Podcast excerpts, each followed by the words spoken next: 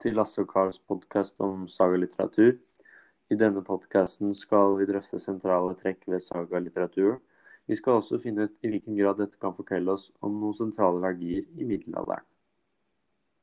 Det høres veldig spennende ut. Um, jo, Karl, fortell meg da. Først, uh, har du hatt en bra jul og godt nyttår? Ja, det har jeg. Uh, har du hatt det, Lasse? Ja, det har jeg. Um, nei, men kan du ikke begynne med å fortelle meg litt om uh, hva egentlig sagalitteraturen handler om, og hva det, hva det betyr?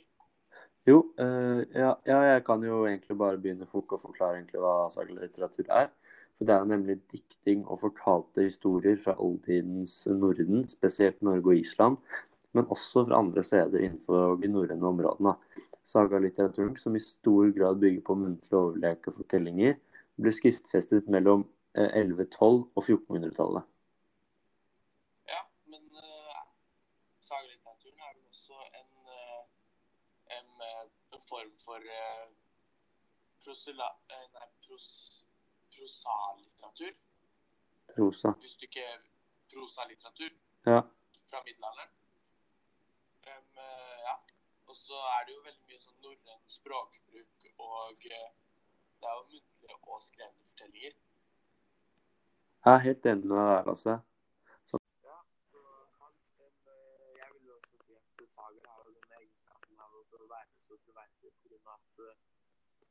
De trekker fram alle disse virkemidlene ved å nevne den troverdigheten ved å nevne foreldre til foreldre.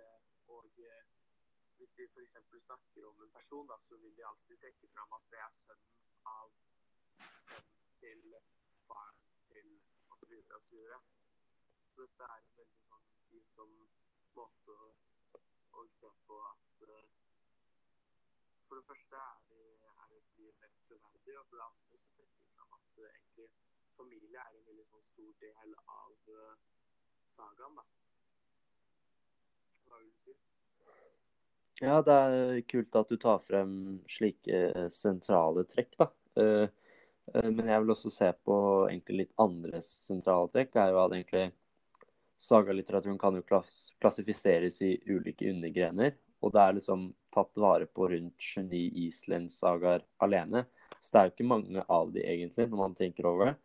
Og alt etter egentlig hvordan man teller, i tillegg til liksom de øvrige sagaene, sånn som kongesagaene, religiøse sagaene og de korte sagaene.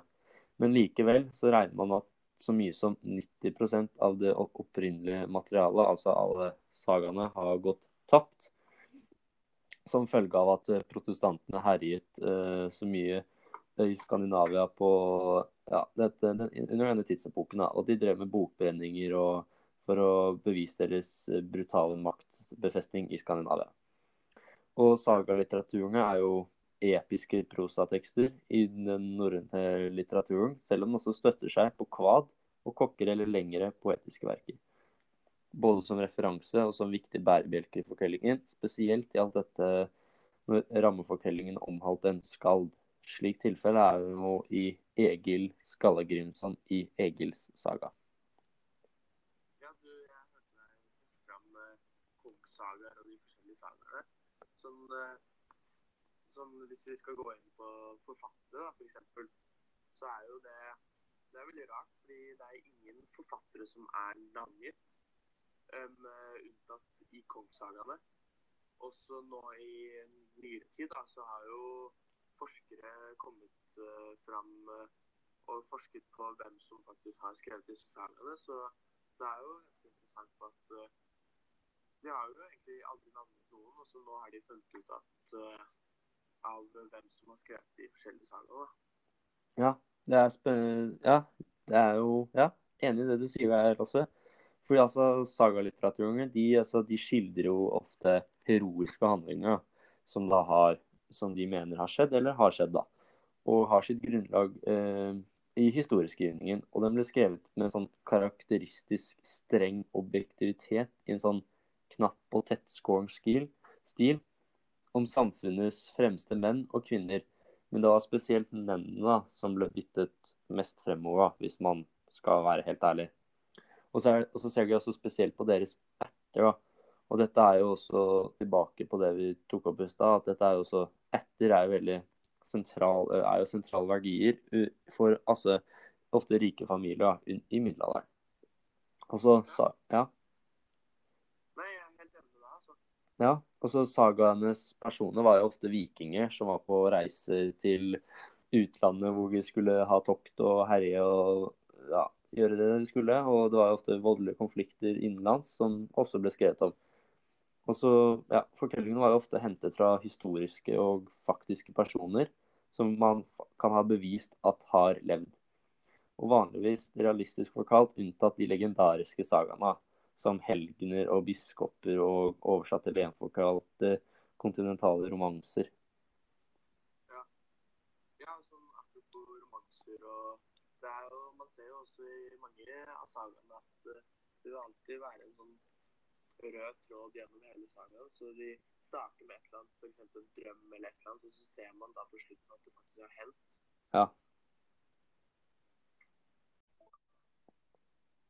Ja, så kan jeg tenkte kanskje vi skulle snakke litt mer om eh, middelalderen og litteraturen på rundt 1000-tallet, og hvordan det utviklet seg. Så tenkte kanskje å starte litt med det. Eh, så omkring sånn 1000-tallet så kom jo den uh, latin, det latinske alfabetet til Norge. Og før det hadde man jo bare runer, eh, som da også ble til 1400-tallet.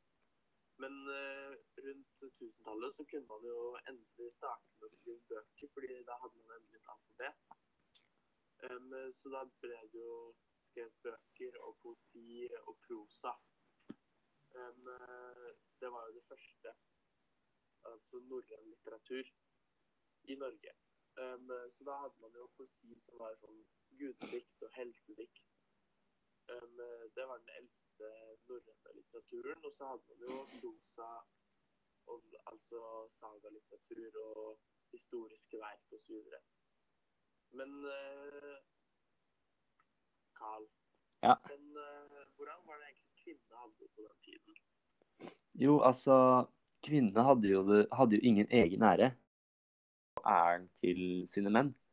Og kult at du tar det opp, fordi i disse her sagaene så får vi høre veldig mye om, veldig mye om ære, og at det er veldig mye om etter. da. Altså de rike. Det er ofte går ut ifra. fordi i vikingtiden i Norge så fantes jo ingen konge som styrte hele landet. Det var bare masse forskjellige høvdinger, kan man kalle det, da, som styrte, og, e, e, eller etter, da, som styrte sine egne sånn, territorier innenfor landet. Og det var liksom om å gjøre å ha mest makt og være rikest av alle disse her. Da, for da hadde du liksom mer ære, på en måte. Og, og det fantes jo sånne ettersamfunn flere steder rundt omkring i Norge, og på Island, for den saks skyld. Og på slike samfunn fantes også blant, uh, ut, blant utvandrede nordmenn på Island. Det islandske samfunnet var et var Altså, en ætt er en slekt som var knyttet til én eller flere gårder, hvis man skal være helt konkret. Og i dette ettersamfunnet var ære en stor del av samfunnets verdier.